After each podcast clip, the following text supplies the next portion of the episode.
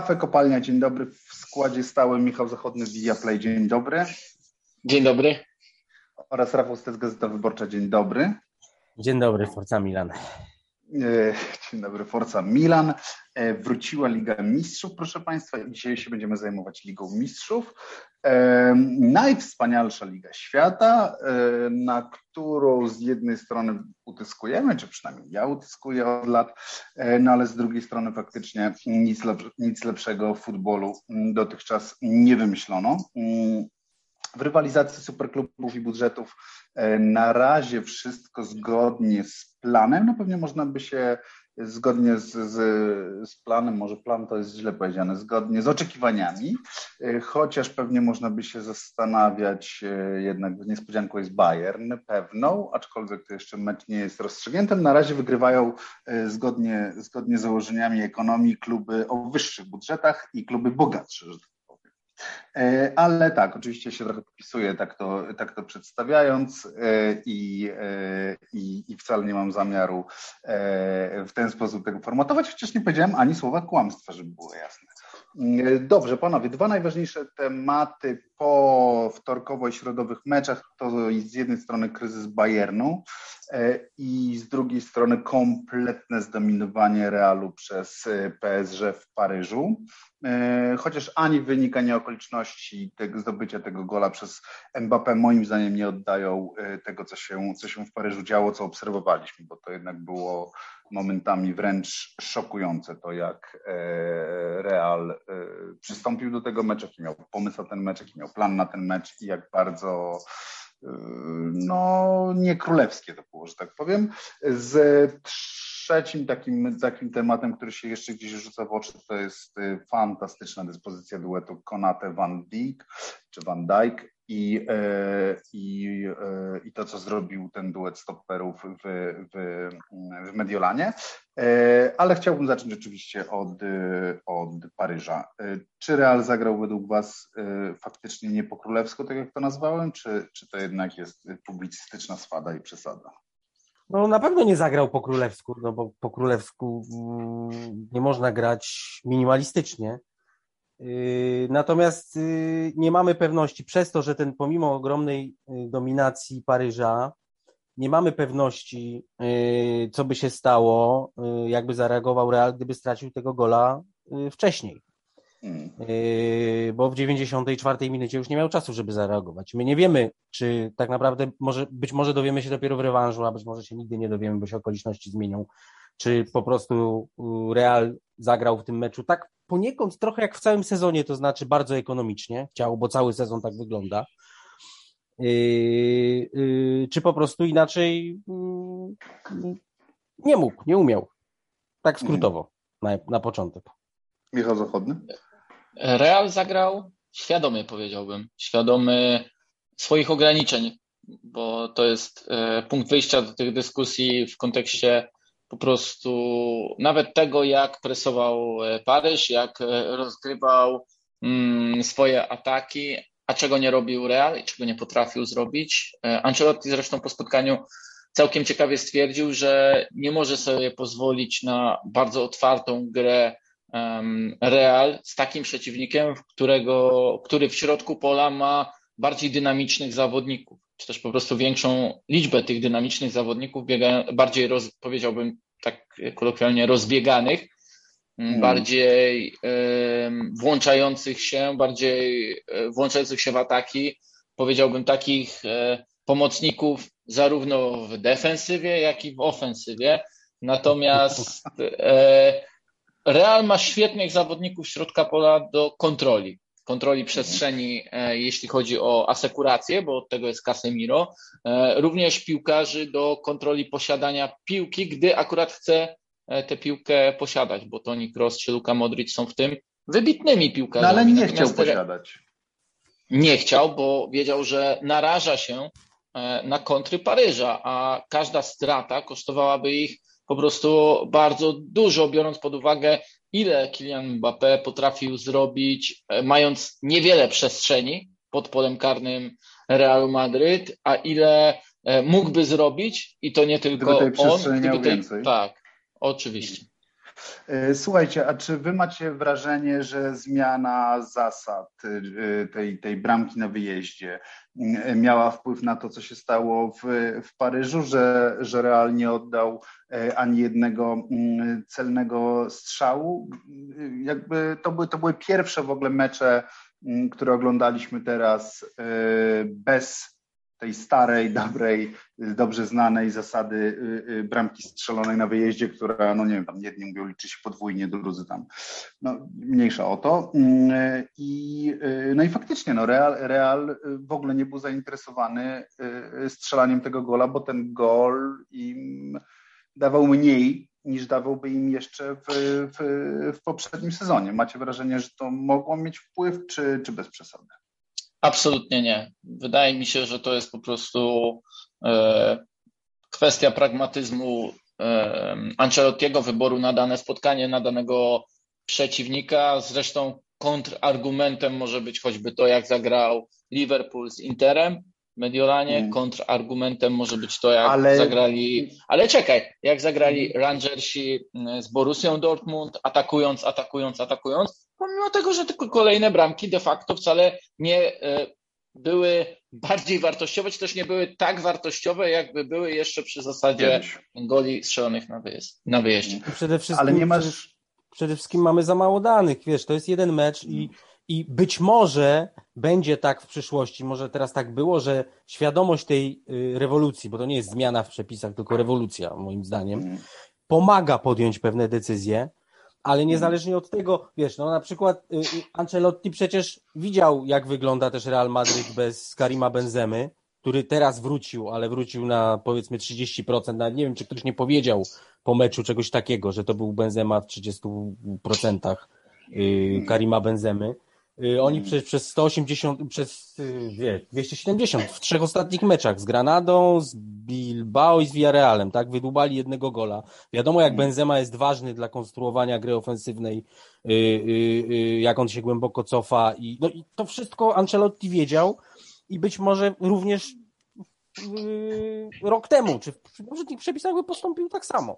Ale przede wszystkim to mamy, no, no mamy no, po prostu bardzo maluteńką próbkę. No, zobaczyliśmy, zobaczyliśmy kilka minut, kilka meczów, bardzo, bardzo konkretne okoliczności, bardzo różne drużyny, trenerów, którzy dysponowali różnymi zasobami. Moim zdaniem to dzisiaj Dzisiaj tego Jeszcze nie nic nie możemy powiedzieć. Jasne, no ale tak w ogóle jak wy się na to zapatrujecie, na tę, bo ty to nazwałeś przed chwilą, Rafał, rewolucją, nie zmianą w przepisach, tylko rewolucją. No i faktycznie ja wam powiem tak, e, do niedawna ja byłem zwolennikiem zniesienia zasady bramek wyjazdowych. Znaczy mi się wydawało, że to jest jakiś taki y, przepis y, z minionej epoki, przepis, który już nie ma, właściwie nie powinien mieć zastosowania w nowoczesnej piłce, no bo to już nie te wyjazdy, nie, nie, nie, zmieniła się zupełnie rola scoutingu. No dzisiaj nie jest tak, że, że jakakolwiek drużyna mm, jadąca na wyjazd y, nie wie i tak wszystkiego o swoim przeciwniku,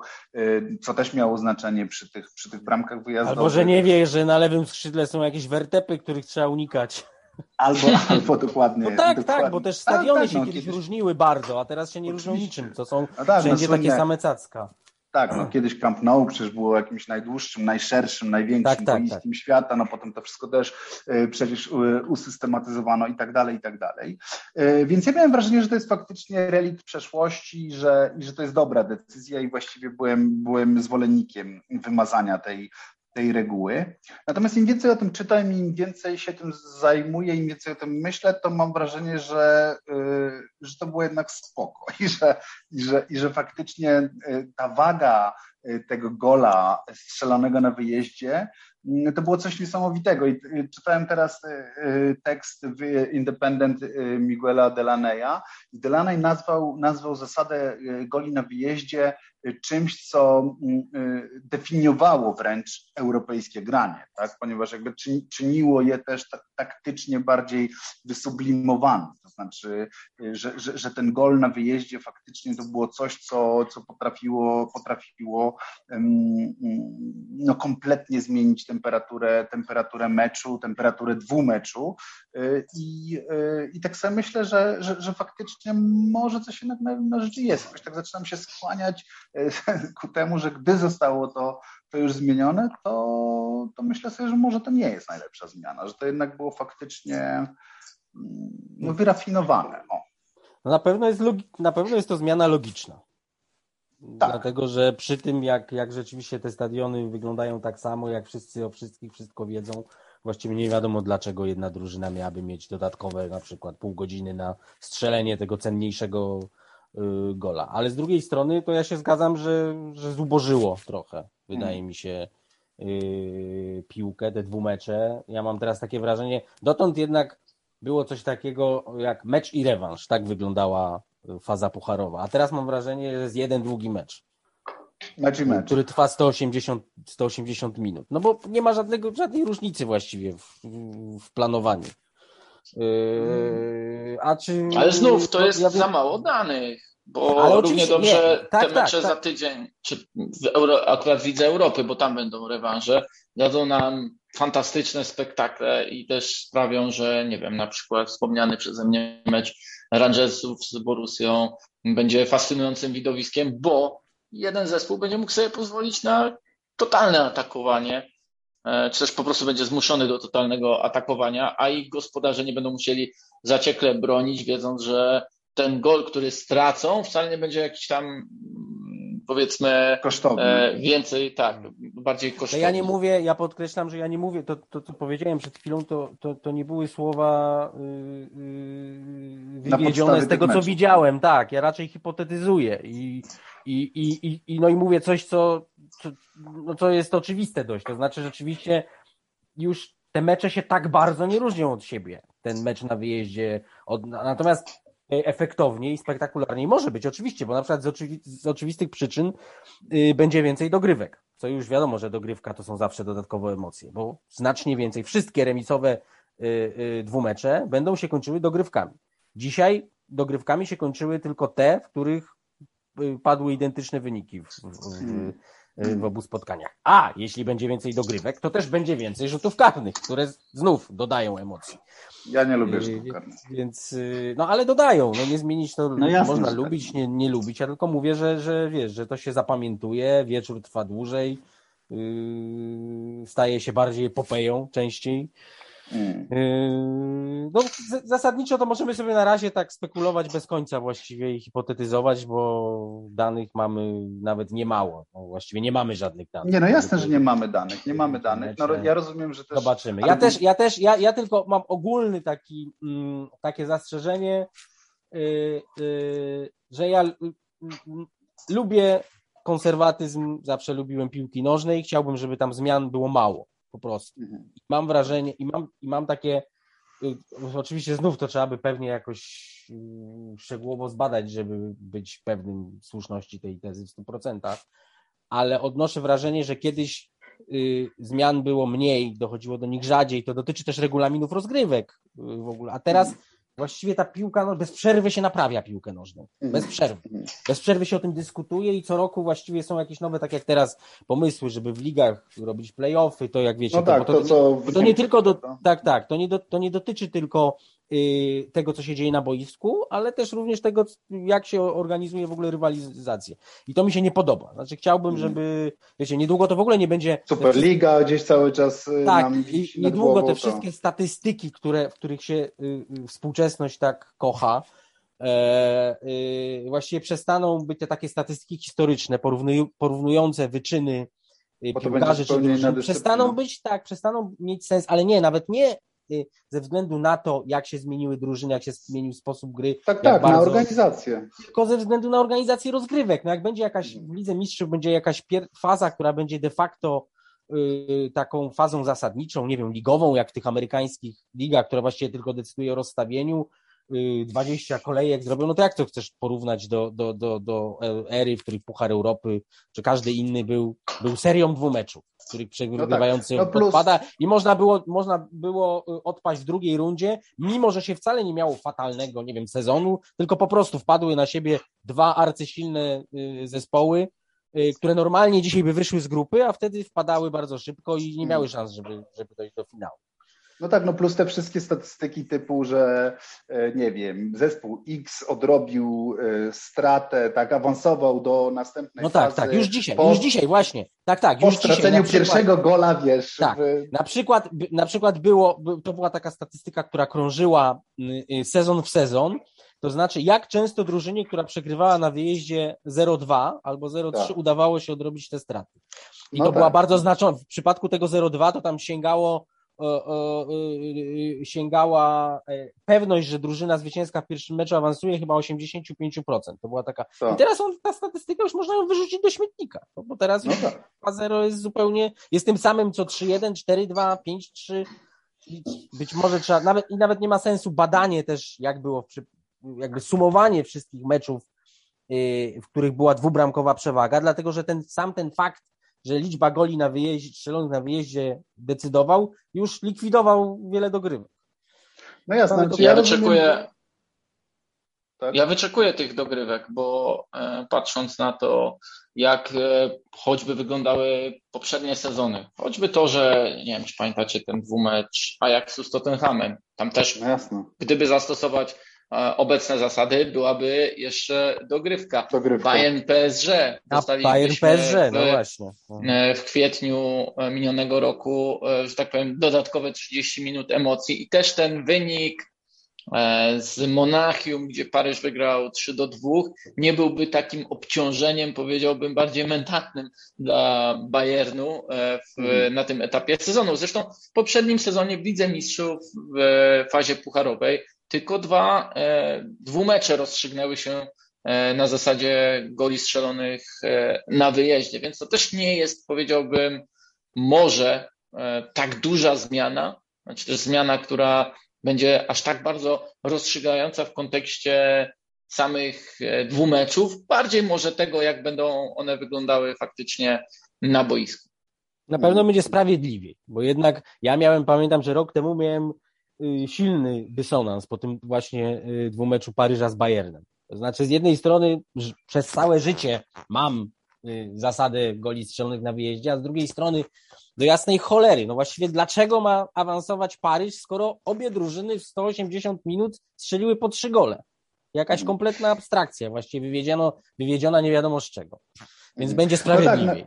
Ja rozumiem, że właśnie UEFA y, poszła tym tropem, to znaczy, że y, stwierdziła, że futbol już jest po prostu zdecydowanie bardziej ofensywny, że nie ma czegoś takiego, no nie ma już takich przypadków jak PSW Eindhoven, Husa Hidinka, które, które awansowało do, y, do, które zdobyło Puchar Mistrzów, tak, w, w, w ćwierćfinale 0-0 z Bordeaux, znaczy najpierw 1-1. No same remisy w ogóle. Od, Same, od, same remisy. chyba ostatnich wy- siedem meczów, ja nie wiem, tam było, jeśli dobrze pamiętam. No tak, no najbardziej Albo pięć przynajmniej. grająca, Tak, tak. grająca drużyna wszechczasów, tak, łącznie z tym, że, że, że, że, że, że tam były w rewanżach zawsze 0-0 u siebie, pilnowanie, pilnowanie remisu z, z pierwszego meczu.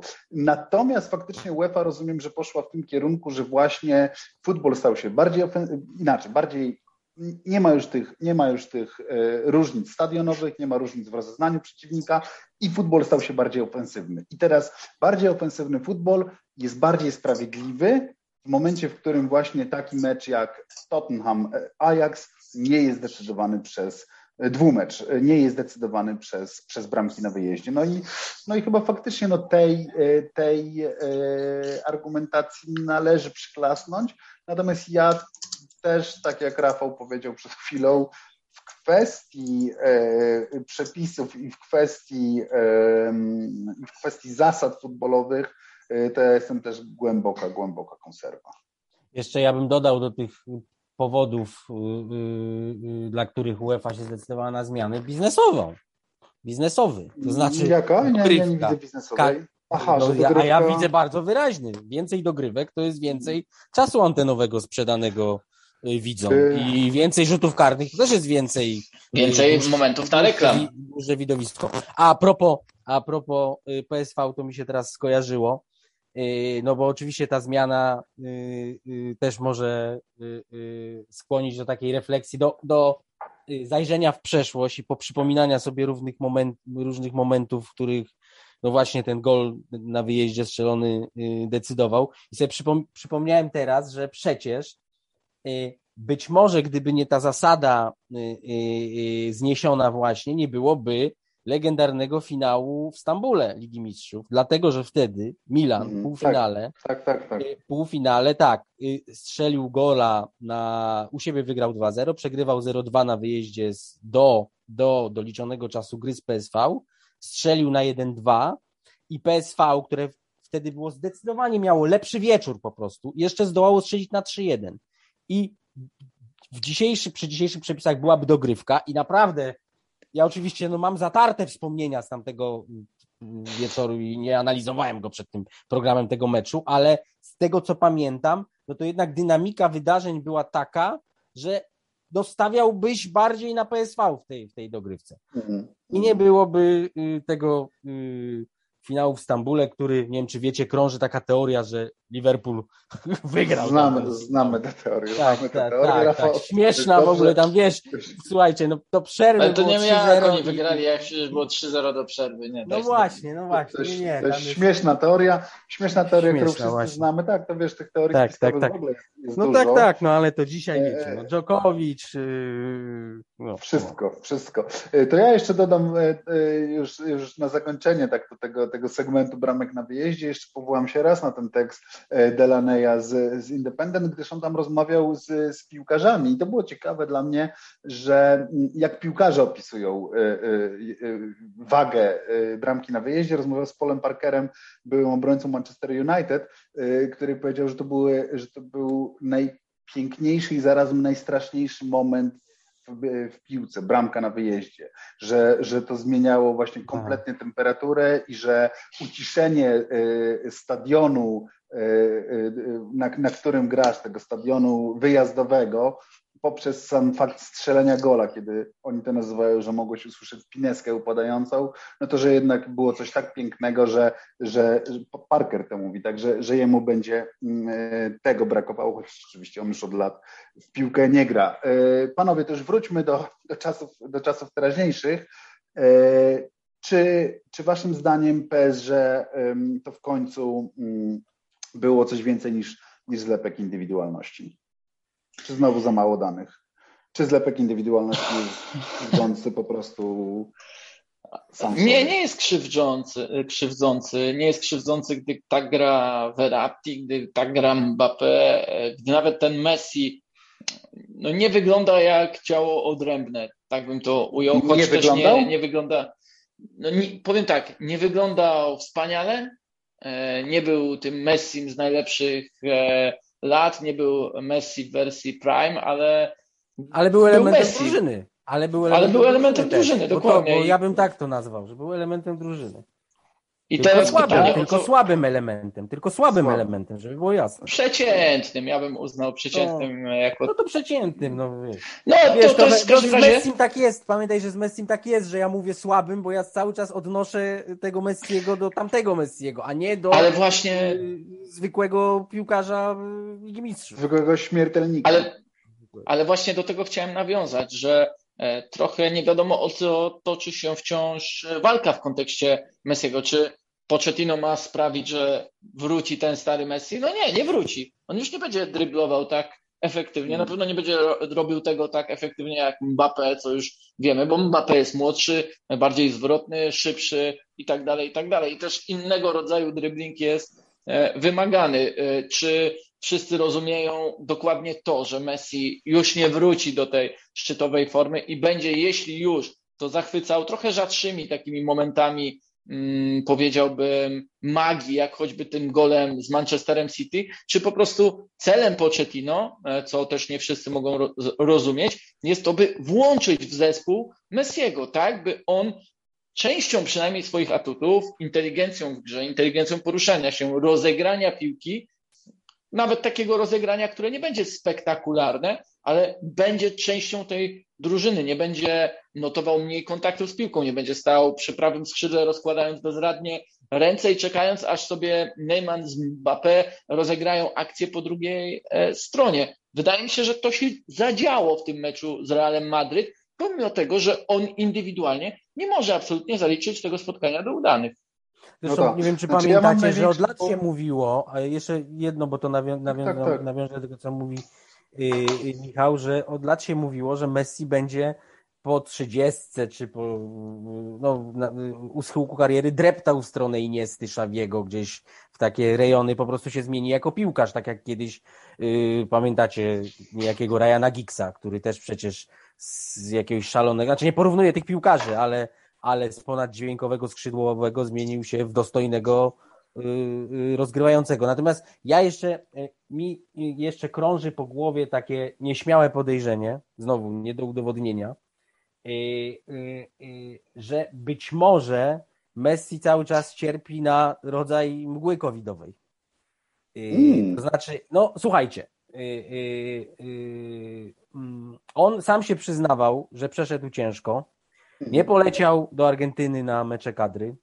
Mm. Selekcjoner argentyński mówił, że Messi bardzo źle zniósł tę chorobę. Ja już się spotkałem z badaniami, z badaniami E, naukowców brytyjskich i niemieckich, jakaś, nie pamiętam uniwersytetów, musiałbym gdzieś znaleźć ten link, którzy postanowili sprawdzić, jaki jest długotrwa, długodystansowy skutek przed, tak, tak, tak, przed piłkarzy i wykryli, że grają średnio, nie chodzi o to, co się dzieje tuż po, ale nie, nie pamiętam, badali nie wiem, może nawet gdzieś to tutaj mam. Tak, ale spada procentowa dokładność podań. Procent to tak, dokładno, dokładność podań, liczba też podań, w ogóle liczba zagrań, czyli intensywność gry zasadniczo, liczba minut spędzonych na boisku, jest to zauważalne. Nie jest to gigantyczna różnica, ale zauważalna. I być może, y, no nie wiem, to, to jest, ja to rzucam jako taką zupełnie, bo tych przyczyn składających się na to, że Messi no, no bardzo wolno w ogóle wraca, nie wiem, ożywa, nie wiem jak to, jak to nazwać, może być mnóstwo. To też może mieć jakieś y, y, malutkie znaczenie, bo, bo prawdę mówiąc, no, wydaje mi się to bardziej prawdopodobne niż to powtarzanie wieczne. Już od miesięcy słyszę, jak on się musi urządzić w Paryżu. Nie wiem, czy zauważyliście, że teraz znów, przedtem Pochettino o tym milion razy mówił, teraz Marquinhos przed czy po meczu znowu przypomniał, że to jest.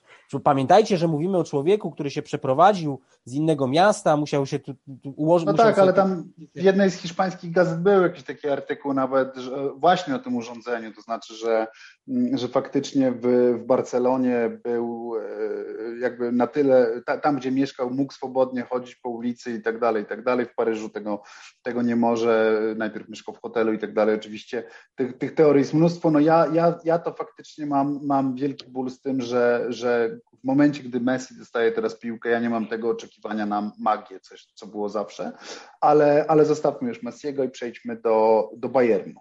A zatem e, przechodzimy do Bayernu. E, co się dzieje z Bayernem Monachium? Całe szczęście mamy przed mikrofonem specjalistę Bundesligi, e, który zna tę ligę już teraz na wskroś po prostu i na wylot.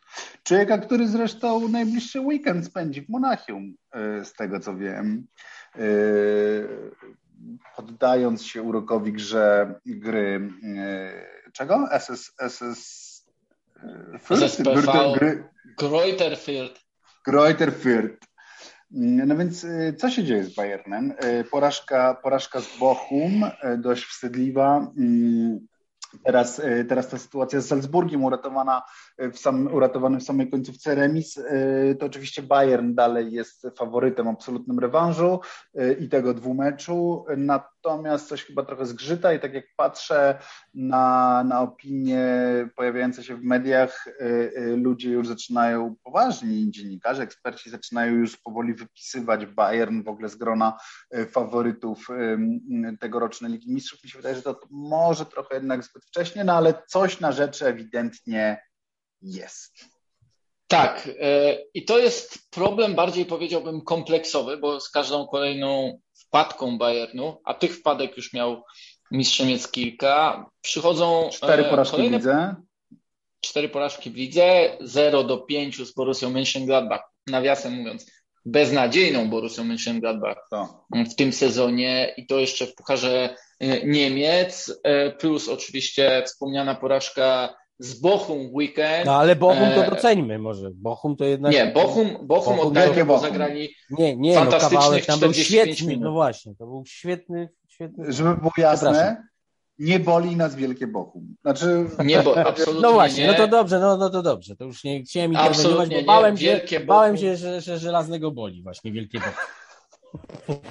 To jeszcze oddajmy, że Thomas Reis też dał taki e, przykład Salzburgowi. To może zabrzmi trochę dziwnie, ale dał, e, bo zaprezentował się jego zespół Beniaminek Bundesligi. Absolutnie nieoczekiwany zespół, który mógłby tyle goli strzelić. E, pressingiem zaskoczył Bayern. Od pierwszego momentu, od pierwszej sekundy, kryjąc indywidualnie Kimisia, kryjąc indywidualnie pozostałych pomocników, aczkolwiek też warto powiedzieć, że Nagelsmann przeszarżował trochę w tym meczu, w sensie wystawił tylko jednego pomocnika e, w całym składzie, miał w zasadzie drużynę podzieloną na czterech obrońców, Kimisia i e, pięciu napastników, czy też pięciu atakujących, bo tak to A my narzekamy na Pochettino, tak? Że, że, że źle zestraja, zestraja skład. No.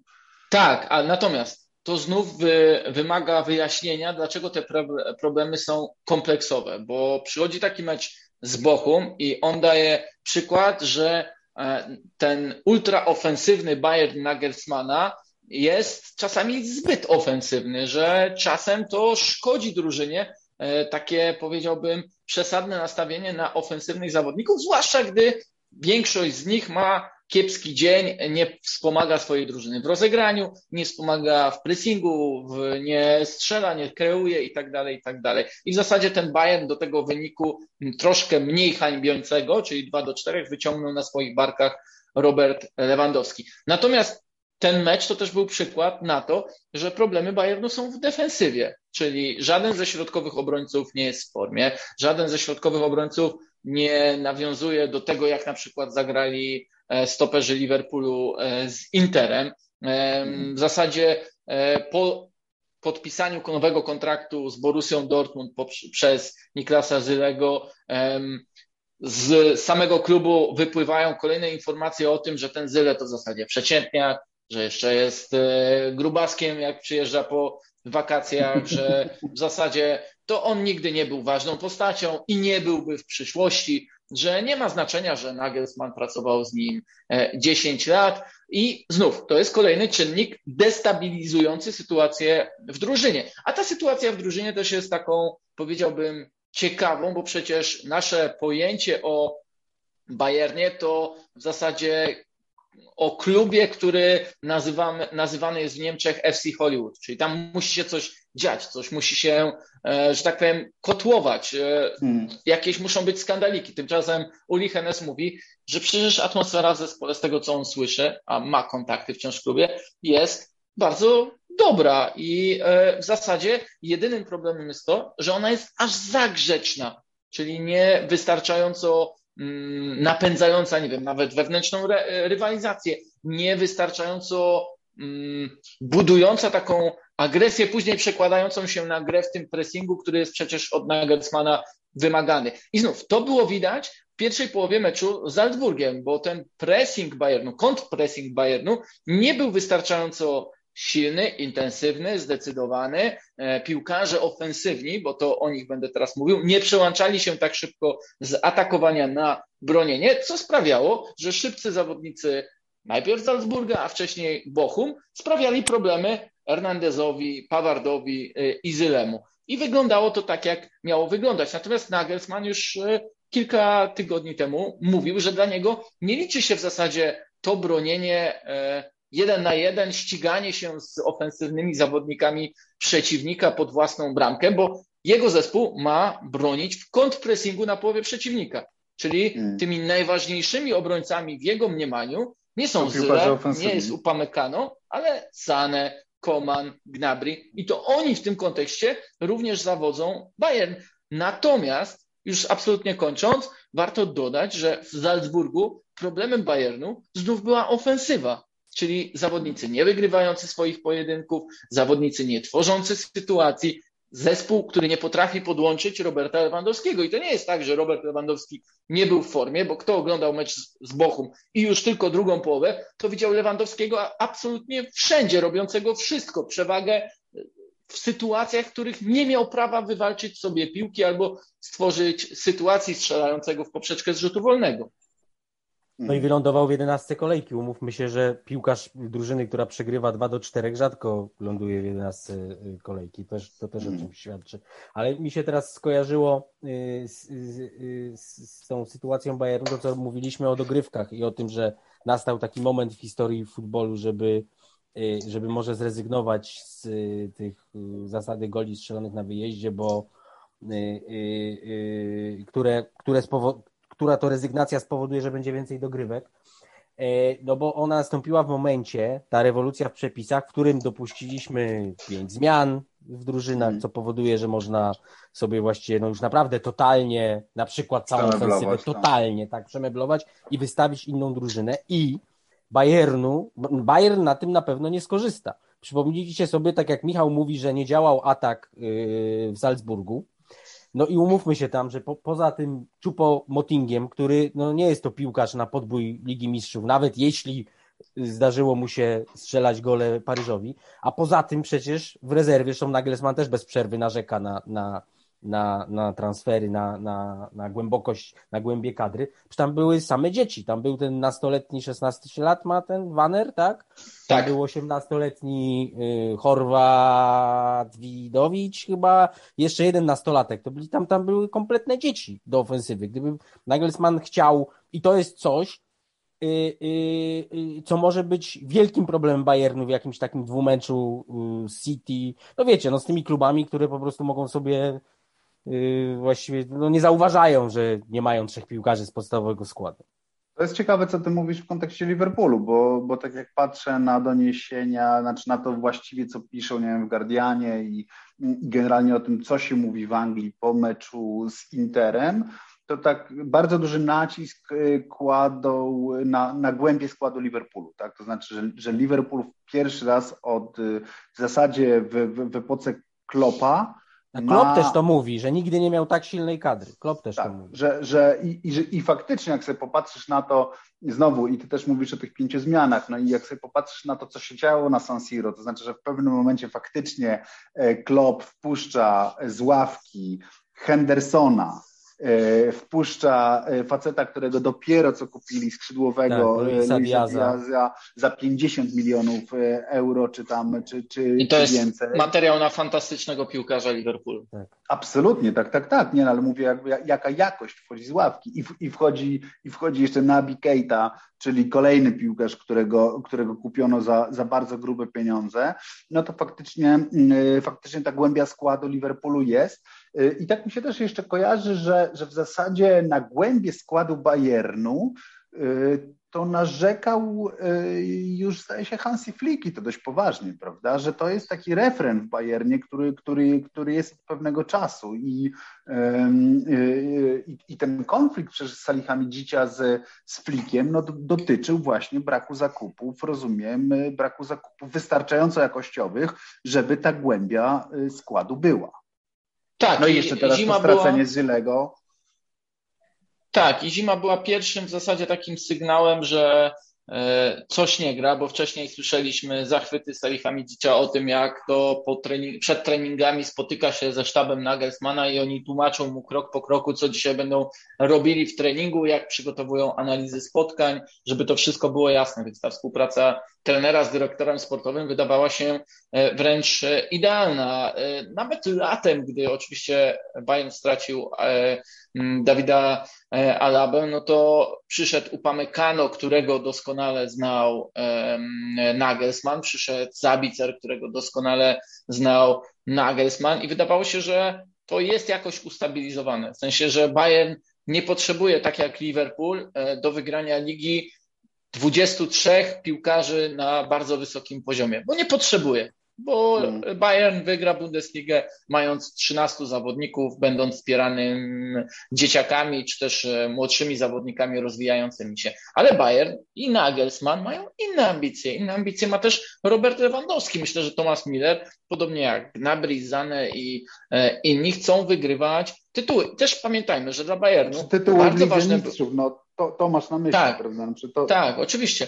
I e, bardzo ważne dla Bayernu, może to było takie preludium do tego, co czeka nas latem, było podpisanie nowych umów z Gorecką, e, z Kimisiem, z Komanem. I jeśli to był powiedzmy mm, punkt pierwszy na liście działań Bayernu, bo to też są ważne kwestie w budowaniu zespołu na kolejne lata, no to rzeczywiście okej, okay, będzie można powiedzieć latem, to teraz zapraszamy kolejnych zawodników do zespołu, by ten skład e, wzmocnić, a ten skład mhm. wymaga wzmocnienia. Znów, znaleźć zawodnika, który mm, wejdzie do Bayernu i będzie bronił tak, jak wymaga tego Nagelsmann, nie będzie łatwo. Widzimy, że e, Zabicer ma ogromne problemy, a to jest naprawdę znów wielce utalentowany zawodnik, ustabilizowany na tym najwyższym poziomie Bundesligi, posiadający jakość techniczną. A i tak widać, że on ma problem z, z się do tego samego pomysłu, którego, e, do bardzo podobnego pomysłu, tak to powiem, e, który Nagelsmann z jego udziałem wdrażał w Lipsku, ale już na wyższym poziomie, bo z piłkarzami o po prostu wyższych umiejętnościach.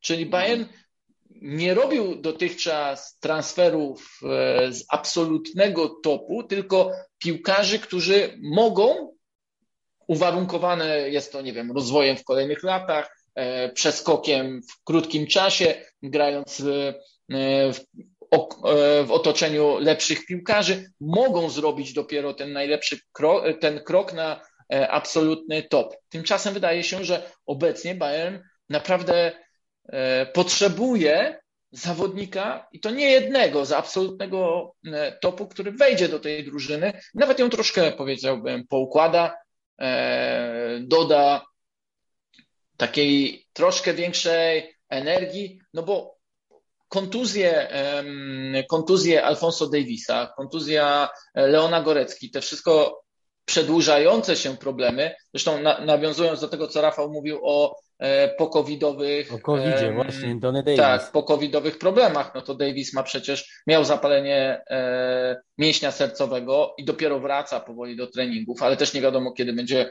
gotowy do gry i czy będzie do, od razu gotowy do gry na takiej intensywności, którą on wcześniej prezentował i z której e, słynął. słynął. Natomiast Bayern w środku pola ma Kimisia, ma Goreckę, i patrząc na to, co gra Toliso, patrząc na to, że nie ufa do końca e, Markowi Roce e, Nagelsmann, tam jest długo, długo nic. E, a to jest problem, gdy masz tylko dwóch środkowych pomocników i porównujesz sobie to do rozwiązań, które stosuje Klopp w Mediolanie, wprowadzając dwóch pomocników, którzy grają w zasadzie tak samo i tylko dodają energii swojej drużynie. A z drugiej no strony dobrze, pamiętajmy, ale, czy... ale pamiętajmy też, że że Bayern y, w Lidze Mistrzów, bo nie w Bundeslidze, to się nawet kopie nie z koniem, tylko z całym stadem koni.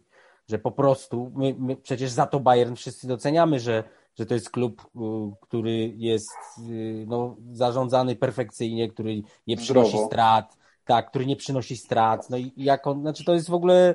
Yy, yy, ja mam wrażenie, że właściwie, bo wy wymieniliście dwóch trenerów, a ja mam wrażenie, że w Bayernie narzekanie na to, że, że że no, no Robert Lewandowski też narzekał przecież. No tak, Pamiętacie tak, ten słynny jego, ten, ten Czy Robert ty narzekał radę, że teraz są takie czasy. Y, nie, nie, on, on tak, on, on, ale mówił o tym, że, że nastały takie czasy, że trzeba kupować za 100 milionów y, tak, piłkarzy, tak, po czym wygrał Ligi, Ligę Mistrzów i też, i też z jednej strony jest cały czas y, to narzekanie, że Bayern za mało inwestuje w transfery, z drugiej strony wiadomo, że nic się z tym nie da zrobić, jeśli Bayern ma pozostać Bayernem, bo oczywiście, no jak, jak by się dało go wykupić, czy amerykański, czy jakiś bliskowschodni bogacz by go mógł wykupić, no to mogłoby się wszystko zmienić. Tylko tego w ogóle, no to, tego to się nie zdarzy i dobrze. No dobrze, ale poczekajcie, czy waszym zdaniem strony... Bayern już jest wypisany z roli yy, jednego, no bo tak, na, nawet przypominam sobie nasze słowa z poprzednich podcastów, no i tak jak rozmawialiśmy o Lidze Mistrzów, roz, to rozmawialiśmy, że, że Liga Mistrzów no to yy, klub angielski albo, albo Bayern, tak, tak, tak to formułowaliśmy. No i teraz po tym takim trochę falstarcie mm, tej, y, tej wiosny, to już jest moment, żeby, żeby bić, bić na alarm. To jest moment, w którym Bayern się wypisuje ze zwycięstwa w Lidze Mistrzów, czy, czy, jednak, czy jednak to jest taka klasyczna histeria y, futbolowych panditów? No wiecie, no, którzy... no, no ale prawda jest taka, że tak, no, his, histeria. histeria no. Bo znaczy, wpadek, wpadki rzeczywiście były i te wszystkie problemy, o których mówił Michał, o których mówią te problemy kadrowe, że istnieją, ale cały czas Jesienią Bayern, drużyna, tak, no. jesienią Bayern przez tę Ligę Mistrzów to po prostu przefrunął, przeniknął. Sześć zwycięstw, jakiś tam bilans chyba drugi. A, tak, tak, był jeden, jeden y, y, w historii lepszy grupowy bilans y, w Lidze Mistrzów. To był ten Bayernu z sezonu, w którym Ligę Mistrzów wygrał. Tylko, ty, tylko ten był lepszy. I no, no, zremisowali jeden mecz z Salzburgiem, którym o nim nie mówiliśmy, ale jeszcze cholera jasna, no docenimy ten Salzburg. To naprawdę nie było. Ja nie to, boli nas ja, wielki Salzburg. Nie boli nas wielki Salzburg. Ja jestem z każdym miesiącem coraz bardziej zafascynowany w ogóle tą ideą futbolu, którą nam funduje Red Bull. Byłem bardzo sceptyczny, y, kiedy to powstawało. Chyba nawet robiliśmy podcasty o tym, jakie to przykre, że jakiś miliarder sobie wymyślił no. kolejny sposób na sprzedawanie. No, ty y, pisałeś tekst. Z napojem, tak, energetyczny też, chociaż oczywiście zmieniłem perspektywę, kiedy tam pojechałem.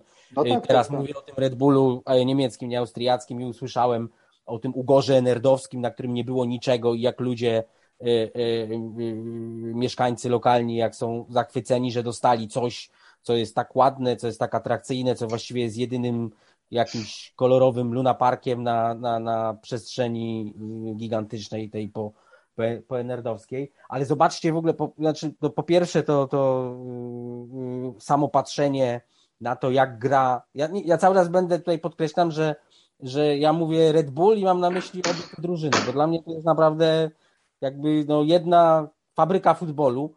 No jasne. Dociera, I dociera, dociera do mnie. Popatrzcie, ile oni już y, wyeksportowali, ile dali w ogóle europejskiej piłce. No przed chwilą się zachwycałeś yy, stoperem Liverpoolu.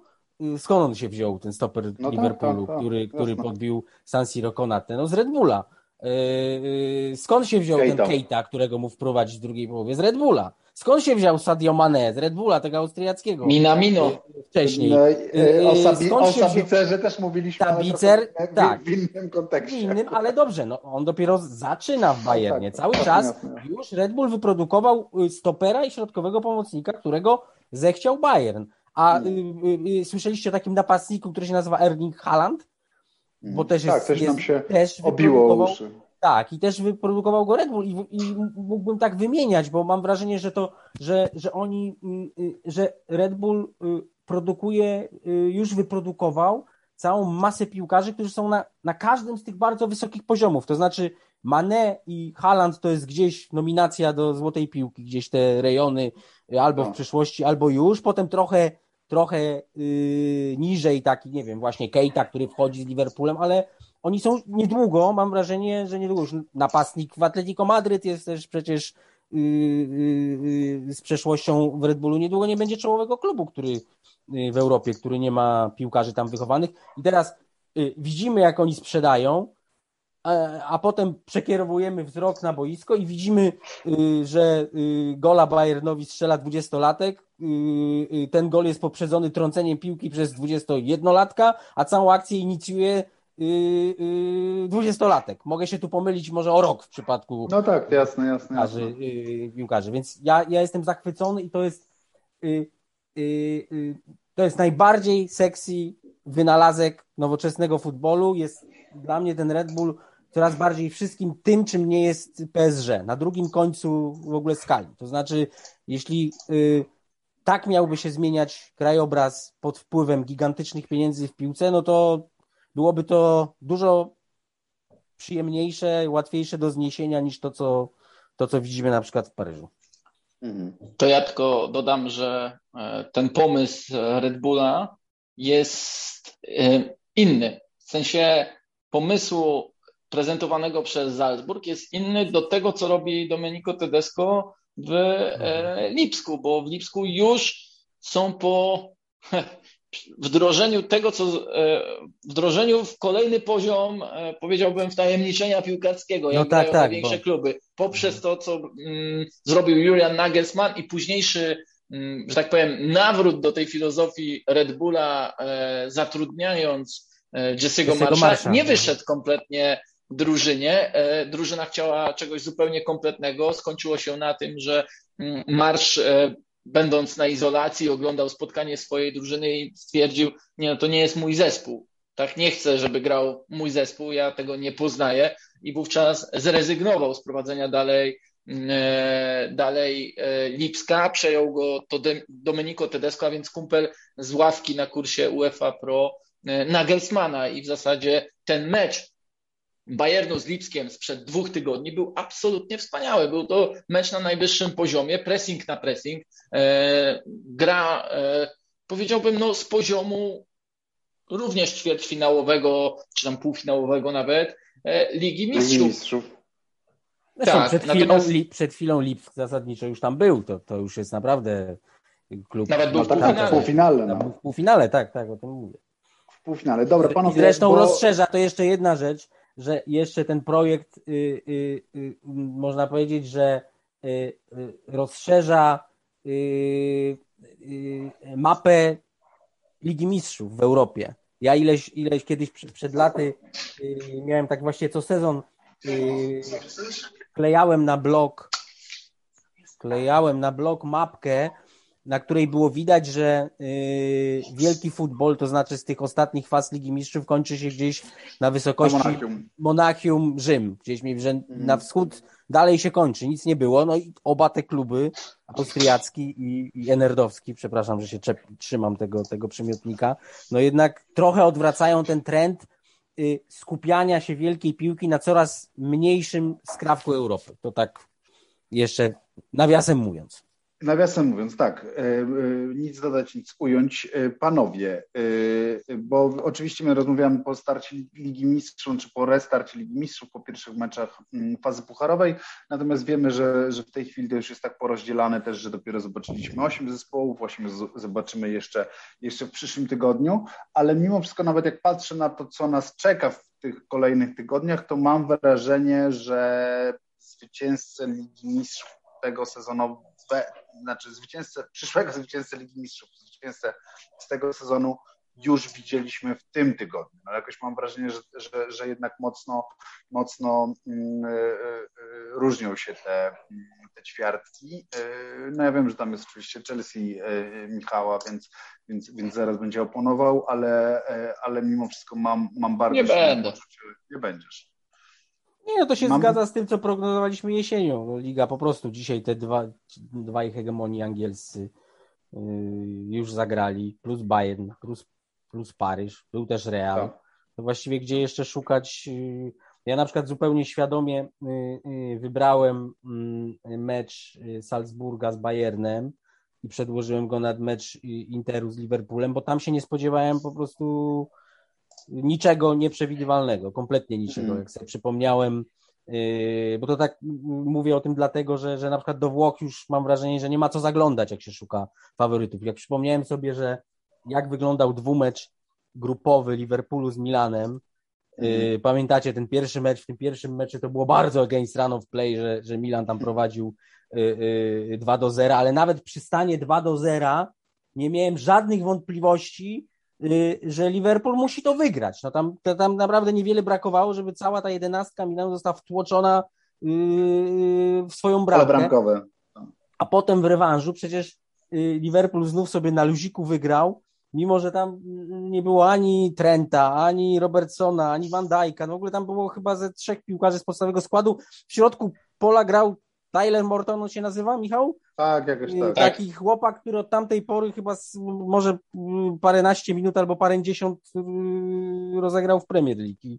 Więc hmm. jeśli pamięta się ten dwumecz, ogląda się Ligę Włoską i chociaż widzi się na boisku, bo wyższą jakość Interu nad Milanem, ale widzi się też, że Milan jest wyżej w tabeli niż ten Inter. Niedawno z nim wygrał derby i generalnie widzi się też, że Inter, który no wydawało się, że dominuje w tej lidze, ale on w ogóle nawet w tych najlepszych swoich momentach nigdy nie potrafił łatwo wygrywać. To znaczy, tam była cała seria meczów wygranych w doliczonym czasie gry, a ostatnio złapał za, zadyszkę, no to w ogóle nie ma, nie ma o czym mówić. A to jest teraz najlepiej wyposażona włoska drużyna, tak mhm. kadrowo. No więc y, wracając do tego, co mówisz, no tak, Liverpool, Manchester City to wiedzieliśmy. Y, Bayern to też wiedzieliśmy. Z Paryżem to pamiętam, że się spieraliśmy z Michałem, bo ja miałem takie poczucie, że jednak y, mimo, że są takie czasy piłki bardzo zorganizowanej i właściwie każdą ostatnią edycję wygrywa drużyna, która jest dużo lepsza jako całość niż suma pojedynczych piłkarzy, no to że jednak w Paryżu się tego zebrało tyle, oczywiście nie wiedzieliśmy, jak będzie ewoluował na przykład Messi, ale zebrało się tego talentu tyle, że jeśli oni włożą pełną energię, a wiadomo, jak tam wszystkim im zależy na tej Lidze Mistrzów, to że wszystko jest y, możliwe, więc wierzyłem, że, że, że mogą zajść daleko. No ale to jest właściwie kwartet, bo taki dość chyba oczywisty. Bo kto oczywisty. Jeszcze? No tak, tak, nie no niesamowity był też ten pokaz siły Manchesteru City i, yy, i te wypowiedzi Guardioli po meczu, który który od razu zapytam, tam pytany przez angielskich dziennikarzy, no, że rozegraliście perfekcyjny mecz, coś tam, coś tam świetnie, wszystko, tam słaniają, kłaniają mu się w pas. E, i, i Guardiola natychmiast konturujący, który mówi, że, że nie, że do, do perfekcji to było daleko, że, że taka jest złota zasada w piłce, że jak masz piłkę, to jej nie straci, że mieliśmy zbyt dużo głupich strat i że e, nie wykorzystał tego rywal, a, a że my byliśmy, mówiąc o Manchesterze City, tak, że my byliśmy nad wyraz nad wyraz skuteczni. No i tak właśnie ja mam, ja mam czasami problem, powiem wam szczerze, z tym, z tym Guardiolą i tymi jego wypowiedziami, bo trochę nie wiem, czy to jest taka gra medialna, jednak mimo wszystko, że on doskonale wie, że, że, że to właśnie to stanie się viralem i że to będzie podawane wszędzie dalej i że, i że to jest sposób jego nie, motywacji.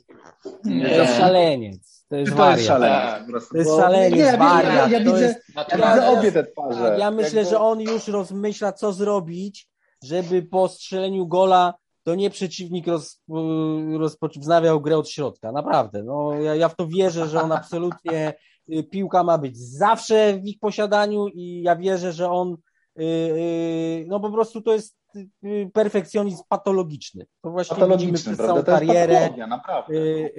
A inna sprawa, że no umówmy się, że trzeba jakoś podsycać ten ogień w drużynie. Rzeczywiście, jeśli drużyna wygrywa Właśnie. seryjnie, wielobramkowo, właściwie wyłącznie się bawi na boisku, yy, zapomina, co to jest tam cierpienie, które jak wiadomo jest umiejętność.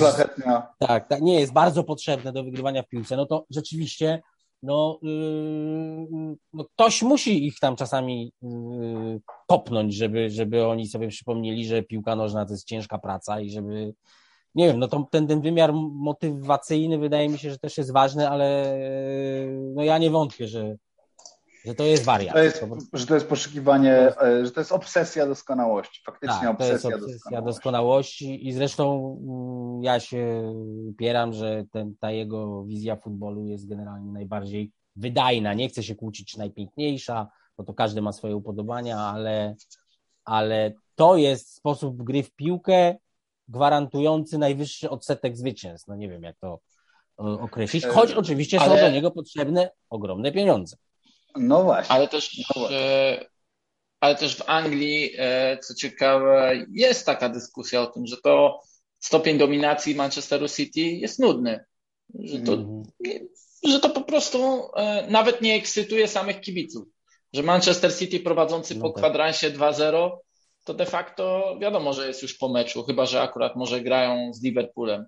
Że wiadomo, że będą. No tak, ale to problem wielu piłkę. wielkich stadionów.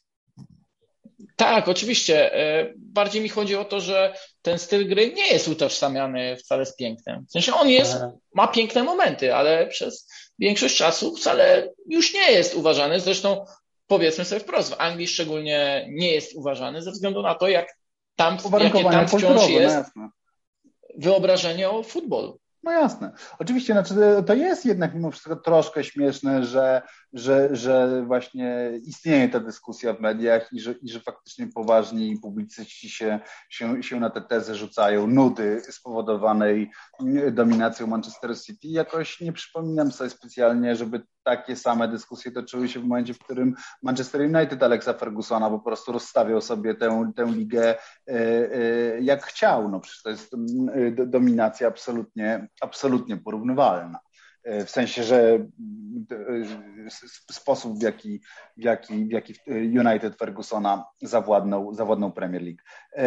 Ale, ale my też musimy zawładnąć naszym czasem i czas już chyba kończyć, więc panowie, tak, zgłasza się Michał, proszę bardzo. Ostatni wniosek. E, mogę chyba to trochę tak powiedzieć, ale zachwyciła mnie wczoraj Barcelona. Mm. Nagrywamy w piątek, więc jestem świeżo po tym meczu z Napoli i. A mi się podobało Napoli się... w pierwszej połowie. A, a mi się podobała Barcelona i e, powiem szczerze, że rośnie dobry zespół. E, rośnie przy całych tych okolicznościach, które są mm, niezdrowe, chore, e, obrzydliwe nawet. Jak kto będzie chciał, tak może to nazwać, ale rośnie kawał zespołu, naprawdę. I tam tej drużynie, tak jak brakowało wcześniej ofensywnych piłkarzy, i pewnie będzie brakowało. I to też nie jest tak, że rośnie kawał zespołu, który zaraz wygra Ligę Mistrzów. Absolutnie nie. Oni będą długo wracali na ten najwyższy poziom. Natomiast e, brakuje im tylko jednego piłkarza. Na ten moment uważam, że jest to Piotr Zieliński.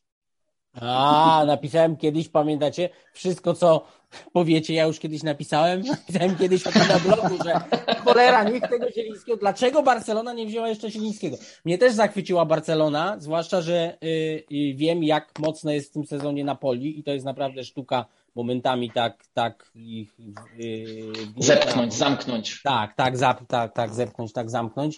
A oprócz tego mam taką refleksję już mniej wesołą, o tym też mówiliśmy yy, na którym podcaście, o tym, że to będzie taki yy, sezon, w którym się przekonamy generalnie w Europie, czy w piłce są yy, za kluby za duże, żeby upaść. I, I mówiliśmy o Juventusie i o Barcelonie i ten upadek utożsamialiśmy z tym, że czy jest możliwe, żeby takie drużyny nie awansowały do Ligi Mistrzów.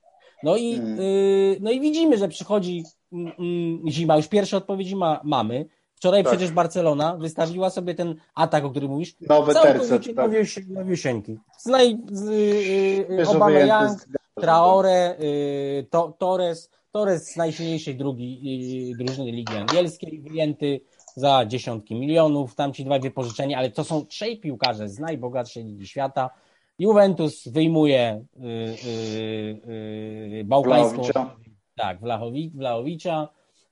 Capello go porównuje do Ibrahimowicza. Dla mnie to bardziej nowy Christian Vieri na razie. No i dynamika jest taka, że chyba nie ma co liczyć na to, że.